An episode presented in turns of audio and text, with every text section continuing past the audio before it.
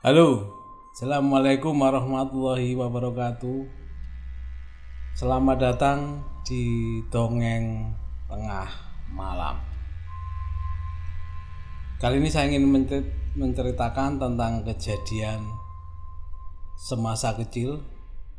Seorang anak ditampar makhluk tak kasat mata sehingga membawa cacat bawaan sampai dewasa Sebelum saya lanjutkan ceritanya, jangan lupa like, share, subscribe channel ini biar bisa membacakan dongeng-dongeng seru selanjutnya. Kita mulai ceritanya. Kejadian ini terjadi sekitar tahun antar tahun 70 sampai tahun 1980 semasa kecil ya di desa Seperti biasa kalau sore hari biasanya anak-anak bermain di sebuah lapangan di uh, perbatasan desa. Kebetulan lapangan itu adalah persawahan, tepat di pinggirnya persawahan memang ada uh, tanah lapang yang agak luas. Dan di situ berdiri uh, pohon randu yang ya cukup lumayan besar. Dan pohon itu memang sudah berpuluh-puluh tahun di situ awalnya ini terjadi dari tiga anak yang biasa bermain di situ. Karena di situ memang sebenarnya biasanya banyak yang bermain nggak cuma tiga anak ini aja. Dari desa bahkan dari desa sebelah pun oh, banyak bermain di situ. Ya bermain layang-layang bermain apalah di situ. Dan pas di sebelah uh, lapangan itu memang ada sungai besar. Sungai ini yang membatasi antara desa uh, kami tinggal dan desa sebelah. Jadi uh, batas dari desa itu adalah sungai besar di mana di pinggir lapangan tempat uh, anak-anak bermain. Senangnya bermain di situ karena apa? Karena biasanya kalau sore habis bermain bisa langsung mandi, uh, apalah di sungai itu karena tahun segitu ya tahun sekitar 75 7 75 76 ya memang airnya cukup bersih ya, dibanding dengan sekarang. Kalau sekarang ya nggak bisa dibilang ya air bersih. Kalau dulu airnya cukup bersih dan sangat layak untuk dibuat mandi. Seperti biasa tiga anak Andi Tejo dan saya anggaplah saya ya yang membuat cerita ini. Uh, mau bermain di lapangan tempat biasa kami bermain. Waktu kami datang uh, sepi ya nggak biasanya. Biasanya memang ramai pasti ada tak? Hari itu di lapangan itu sepi. Sampai si Tejo bilang kok gak biasanya ya? Padahal biasanya tempat itu ramai anak kok nggak ada sama sekali? Hari ini pada ke mana? Sampai Andi e, nyauti tadi e, Wawan katanya disuruh bantu ibunya itu jemur padi karena ibunya nggak ada temennya. Ya udah akhirnya kami berkira kita main aja kita eh, kebetulan memang waktu itu musim kemarau ya. Cuacanya kan uh, lumayan panas dan tapi anginnya cukup kenceng makanya kami di situ rencana bermain layang-layang. Sampai akhirnya kami menyiapkan akhirnya main layang-layang bertiga. Layang-layang main naik tarik ulur. Sampai enggak terasa hari sudah mulai sore. Dan anak-anak masih memang nggak tahu hari itu nggak ada sama sekali anak yang bermain. Saya lupa harinya atau memang hari itu mungkin hari apa ya hari keramat atau apa ya. Sampai nggak ada yang bermain tapi nggak tahu ya pastinya. Kebetulan hari itu nggak ada akhirnya kita bermain sampai sore. Uh, si siapa? Si Slamet bilang nih nanti jangan kemalaman nih kalau kemalaman bisa dimarahin nanti di rumah. Ya udah kita main lagi ya, karena memang uh, mungkin kalau jam ya masih jam limaan lah kalau jam lima kan masih terang. Sampai pada akhirnya layang-layang si Andi tiba-tiba nyangkut di pohon randu. Yang saya ceritakan tadi pohon randu cukup besar. Pohon randu tarik tarik nyangkut kan nggak bisa no akhirnya karena lihat uh, Andi nggak bisa bermain karena layangannya nyangkut ya sudah akhirnya kami berhenti kami turunkan layang-layang saya sama si Selamat bantu Andi. Bantu tapi nggak bisa tetap tarik kan uh, Portland kan lumayan tinggi ya. Bantu tarik tarik nggak bisa. Sama-sama dari kejauhan aku lihat si Wawan dari jauh. Awan teriak-teriak tapi kan teriak apa? Kan jauh. Kita kita nggak denger. Cuma anehnya Wawan tuh ngelambe ngelambe ngelambe ngelambe. Seperti memanggil dengan uh, apa ya tangan gitu loh.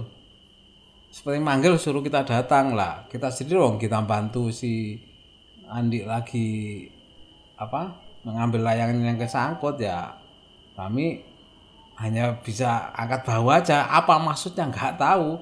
Si Wawan manggil-manggil ya udah akhirnya kita bantu dan nggak bisa. Hanya kita nunggu aja si siapa? Andi e, berusaha ngambil air lainnya karena mungkin jengkel ya. Andi akhirnya e, jalan mendekati pohon randu itu. Nggak tahu sambil ngomel-ngomel apa dia melempari pohon randu itu dengan batu supaya layangannya itu mungkin yang nyangkut ranting yang nyangkut bisa goyang atau lepas atau gimana lama. Sampai lama masih nggak bisa. Lah kita memang nggak nggak ngikuti Andi. Andi kan sendirian eh, ke sana ke pohon randu itu. Wawan yang dari tadi memanggil-manggil itu ternyata lari mendekat gitu loh. Saya nggak tahu kenapa si Wawan ini kok kelihatannya panik. Aku juga gak ngerti apa sih Wawan kenapa sih lari-lari karena ngelihat Wawan akhirnya aku sama Selamat mendekati Wawan. Eh Wan ngapain kamu kok sampai panik seperti itu? Sambil ngos-ngosan Wawan seperti nada takut gitu. Wajahnya wajah takut. Udah udah atur penawasan kenapa? Kenapa? Aku dan Selamat bilang gitu. Terus Wawan dengan wajah yang uh, wajah agak pucat takut gitu marah-marah sama kita kamu tuh nggak lihat nggak sih? Kata si Wawan. Apa sih Wan? Dari tadi itu ada orang-orang di dekat pohon randu marah-marah. Kamu nggak lihat nggak sih? Kok kamu dari tadi diusir nggak mau pergi? Itu loh aku dari Jawa dia lihat. Ah, Wawan bilang ternyata di pinggir pohon randu itu katanya ada kakek-kakek rambutnya putih pakai baju sorban sorban kayak putih gitu dengan jagot panjang katanya dia memarahi kita. Marah-marah sambil nunjuk. Tapi uh, heran Wawan kenapa kita bertiga cuek aja? Seperti nggak nggak ngeladeni nggak ngereken gitu loh. Makanya Wawan sampai uh, teriak-teriak suruh sudah berhenti bermain ayo pulang. Maksudnya Wawan gitu. Lah begitu Wawan cerita bahwa ada yang marah-marah saya dan Slamet kaget. Kita saling bertatapan tua. Serius. Pikir selamat dan pikir saya juga. Soalnya saya lihat sekali nggak ada siapa-siapa sih nggak ada orang sama sekali.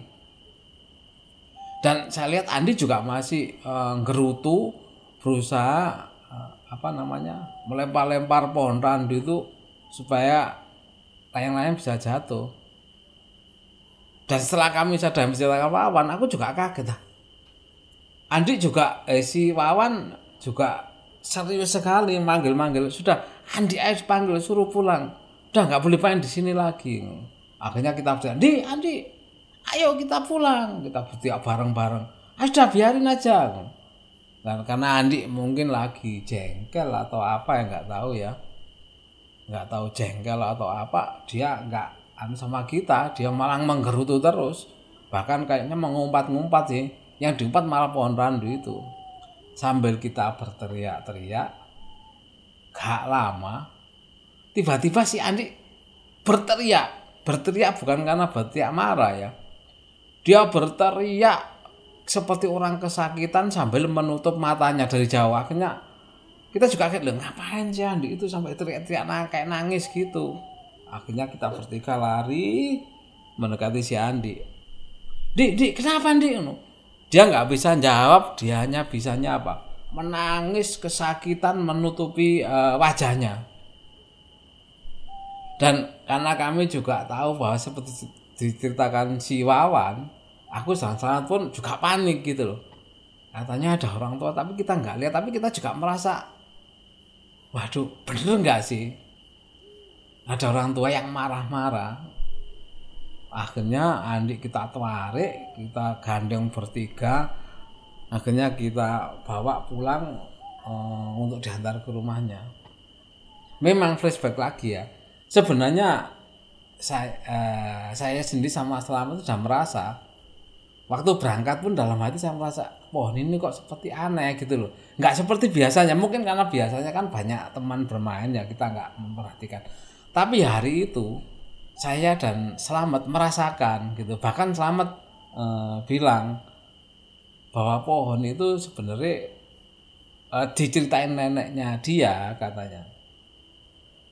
Pohon ini pohon yang cukup tua Nah, dan selamat dipesi sama neneknya nanti kalau main di pohon itu. Ingat uh, jangan deket-deket dengan pohon itu. Dan selamat memang benar. Memang nggak pernah dia main kan memang kebetulan dari lapangan kami bermain jaraknya ya antara uh, sekitar 5 sampai 7 meter lah dari pohon itu. Jadi nggak terlalu deket sih.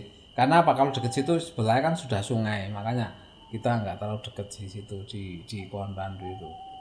Dan saya pun sendiri merasakan uh, sebenarnya hari itu loh hari itu saya merasa pohon itu seperti mengawasi tapi saya juga heran pohon ngawasi gimana? Pohon ya seperti biasa tapi kok perasaan aneh gitu loh di hari itu pohon ini seperti hidup bagi saya. Mungkin selamat juga merasakan tapi nggak nyampaikan bahkan selamat bilang waktu ngobrol sama kita si Andi e, mendengarkan Andi pun sempat berkelakar. Sambil ketawa dia seperti ya pohon ya pohon namanya pohon randu ya pohon randu. Tidak mungkin ada apa-apanya kecuali pohon itu tumbang nimpah kamu lah itu baru apa-apa. Sambil ketawa-ketawa si Andinya. Tapi karena apa? Andi merasa nggak nggak merasakan sesuatu lah. Saya sama uh, Selamat ini merasakan begitu datang merasakan gitu bahkan Selamat cerita bahwa dia bilang neneknya waktu masih remaja pohon itu sudah sebesar itu sudah besar lah bukan sebesar sudah besar. Makanya pohon itu sangat tua sekali. Kita lanjut akhirnya uh, si Andi kita antar bertiga ke rumah orang tuanya. Kita tuntun bareng pun si Andi sambil menangis sambil menutupi wajahnya. Jadi dia nggak berhenti seperti orang kesakitan yang nggak berhenti berhenti sampai di rumahnya betapa kaget sih orang tua Andi.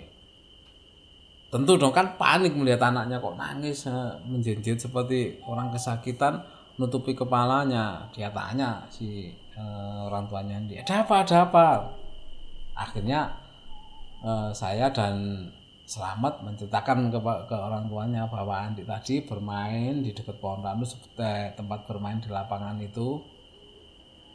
Bermain tiba-tiba uh, ya ya diceritakan kembali setelah layangannya ke cantol di pohon randu tiba-tiba menjerit menarik kesakitan ya seperti sekarang ini. Bahkan si Wawan juga sempat bahwa Wawan datang ke sana pun sebenarnya menyebut mereka. Jadi mau ikut bermain sebenarnya. Tapi karena dia melihat itu eh, katanya penampakan ada orang tua yang anu uh, setiakan semua sama Wawan orang tuanya cuma geleng-geleng gitu loh. Mungkin nggak tahu orang tuanya tahu apa enggak konrandu itu gimana. Sing pasti si orang tuanya ini geleng-geleng ya gimana nyari pengobatan akhirnya ya pengobatan sampai nggak tahu karena kejadiannya kan nggak jatuh atau nggak apa nggak tahu gimana ceritanya si orang tuanya ini nanya-nanya ke tangga ada yang menyarankan sudah coba sih dipanggilkan ustadz katanya karena orang desa zaman dulu kan nggak ada harus pergi dokter ke mana kan nggak. Orang tuanya mungkin tahu ya kondisi itu dipanggilkan ustadz. Nggak lama akhirnya si Andi eh, kesakitannya berkurang dan mulai nggak nggak menangis. Cuma si anehnya setelah Andi nggak merasa apa namanya nggak nggak merasa kesakitan mulutnya si Andi ini ada keanehan setelah kejadian itu. Jadi mulutnya si Andi ini menceng. orang menceng tuh kayak orang habis stroke gitu loh kan tahu ya kayak orang habis stroke itu tadi ya apa ya kalau ngomong main ya menceng lah sudah. Nggak bisa gambar digambarkan sendiri. Menceng dan itu nggak bisa kembali. Dia menceng terus gini. Akhirnya karena ada kejadian itu tersebarlah berita ini sampai ke desa tetangga. Tersebar bahwa ada kejadian. Nah orang-orang tua di sana itu ya mungkin nggak tahu tahu apa nggak tahu. Memang pohon randu itu seperti seperti dihindari sama mereka. Kalau anu jangan deket-deket pohon itu. Memang banyak. Terutama waktu itu ya umur-umuran nenek atau kakek kita memang selalu mengingatkan kalau uh, bermain di situ jangan terlalu dekat sama pohon. Itu mengingatkan memang. Karena yang tahu mungkin orang-orang tua dulu. Karena tersebar akhirnya terdengarlah sama si pemilik tanah pemilik sawah itu. Nah kebetulan memang lapangan itu sebenarnya kan sawah cuma nggak tahu kenapa di pohon randu itu memang sama pemiliknya itu nggak dibikin sawah dibikin kayak lapangan dibiarin gitu aja. Akhirnya terdengar sama si pemilik tanah dan sempat juga uh, sawan ke orang tuanya Andi. Karena memang orang-orang lagi berkumpul di sana. Berkumpul di sana me, apa heboh dengan kejadian si Andi.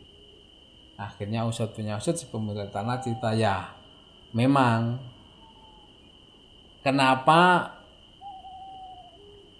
apa namanya ada lapangan di situ? Memang di di desa waktu itu memang nggak ada ya. Lapangan waktu lapangan bebas yang bisa main layangan, layangan gitu. Dan itu berupa lapangan memang. Akhirnya kita menceritakan bahwa itulah kenapa tidak dibuat persawahan full sampai di pinggir. Jadi eh, akhirnya feedback eh, si pemilik tanah menceritakan jadi pada waktu dulu memang pohon randu itu sempat sempet sama orang tua. Itu kan warisan ya warisan dari orang tuanya. Warisan dari orang tuanya. Sempet waktu dia kecil pohon randu itu memang bermaksud mau dihilangkan. Dan ayahnya waktu itu memang memanggil tukang potong kayu untuk e, memotong kayu itu. Dan ternyata sampai tiga kali memanggil tukang potong tidak ada yang berhasil memotongnya.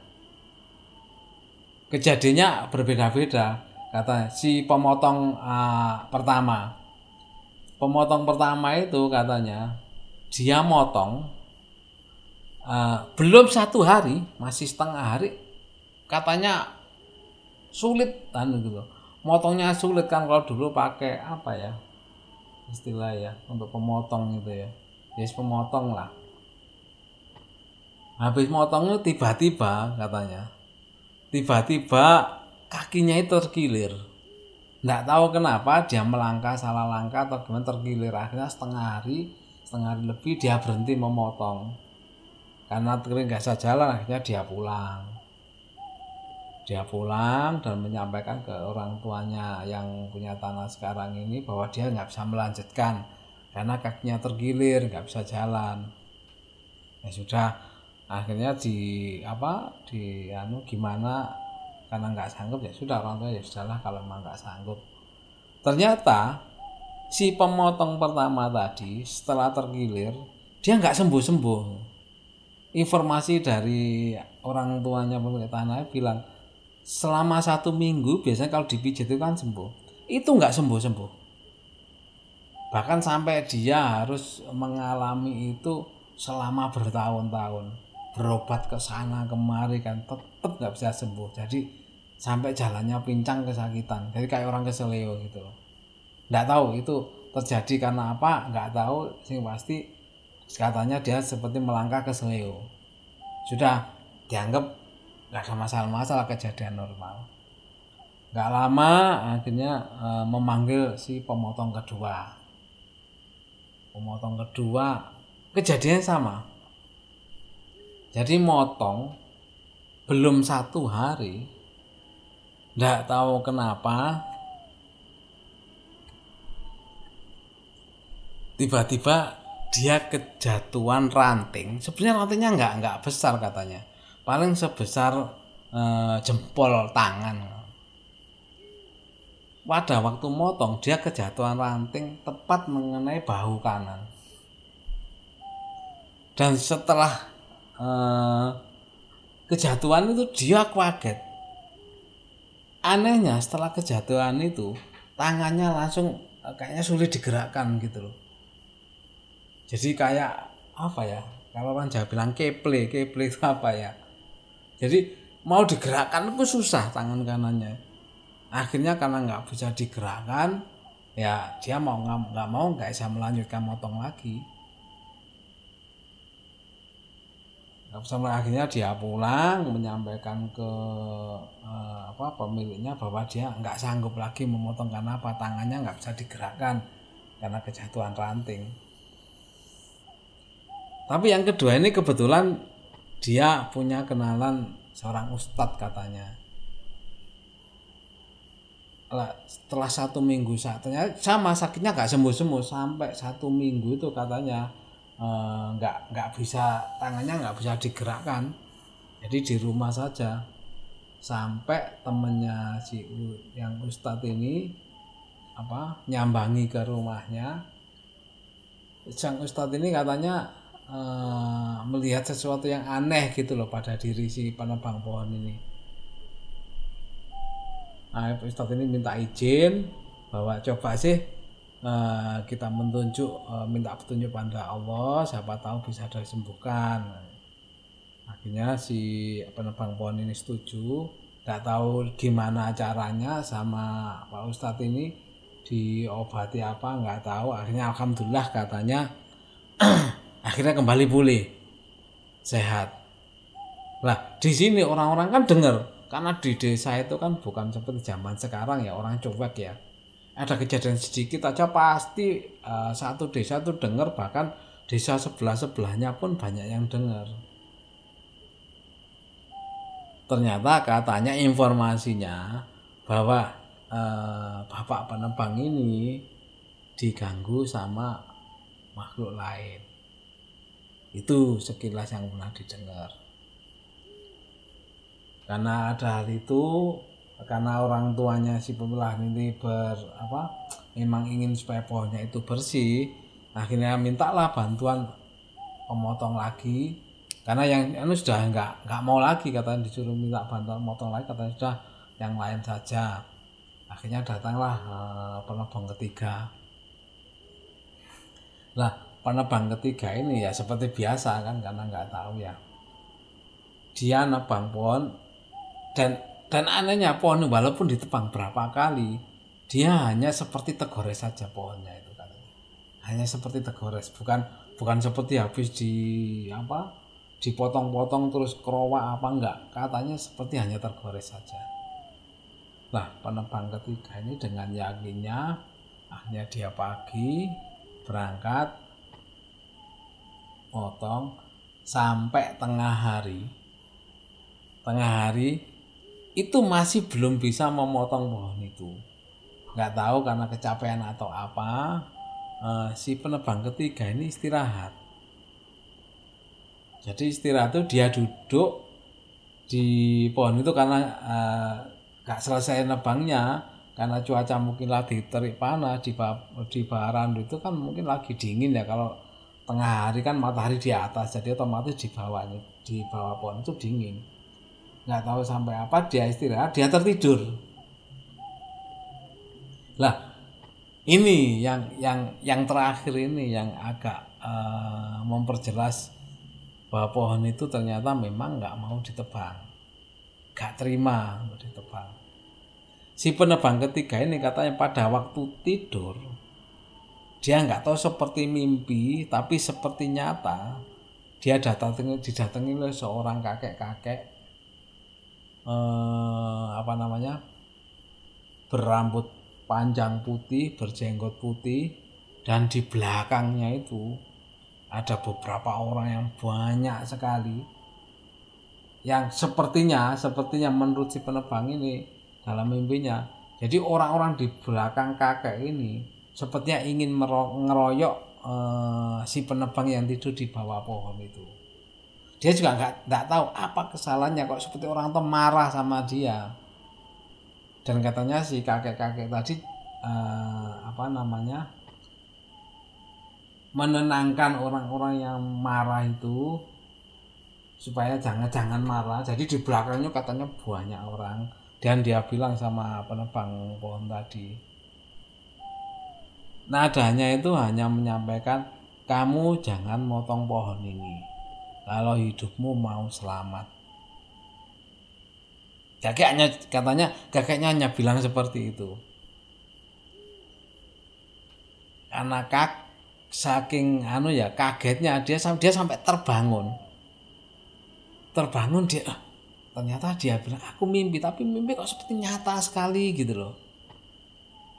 Akhirnya karena mimpi itu dia ketakutan ketakutan kalau diterus katanya seperti ada ancaman kalau mau selamat jangan diteruskan akhirnya yang ketiga ini karena dapat mimpi seperti itu akhirnya dia nggak jadi teruskan dia kembali ke pemilik tanah itu ya ya apa orang tuanya si pemilik sekarang ini dan dia menyampaikan dia tidak sanggup bahwa dia tadi didatangi seorang kakek-kakek yang bahwa pohon itu tidak boleh ditebang. Ya sama sama pemilik pemilik tanah itu akhirnya ya sudahlah. Kalau memang nggak bisa ditebang ya sudah.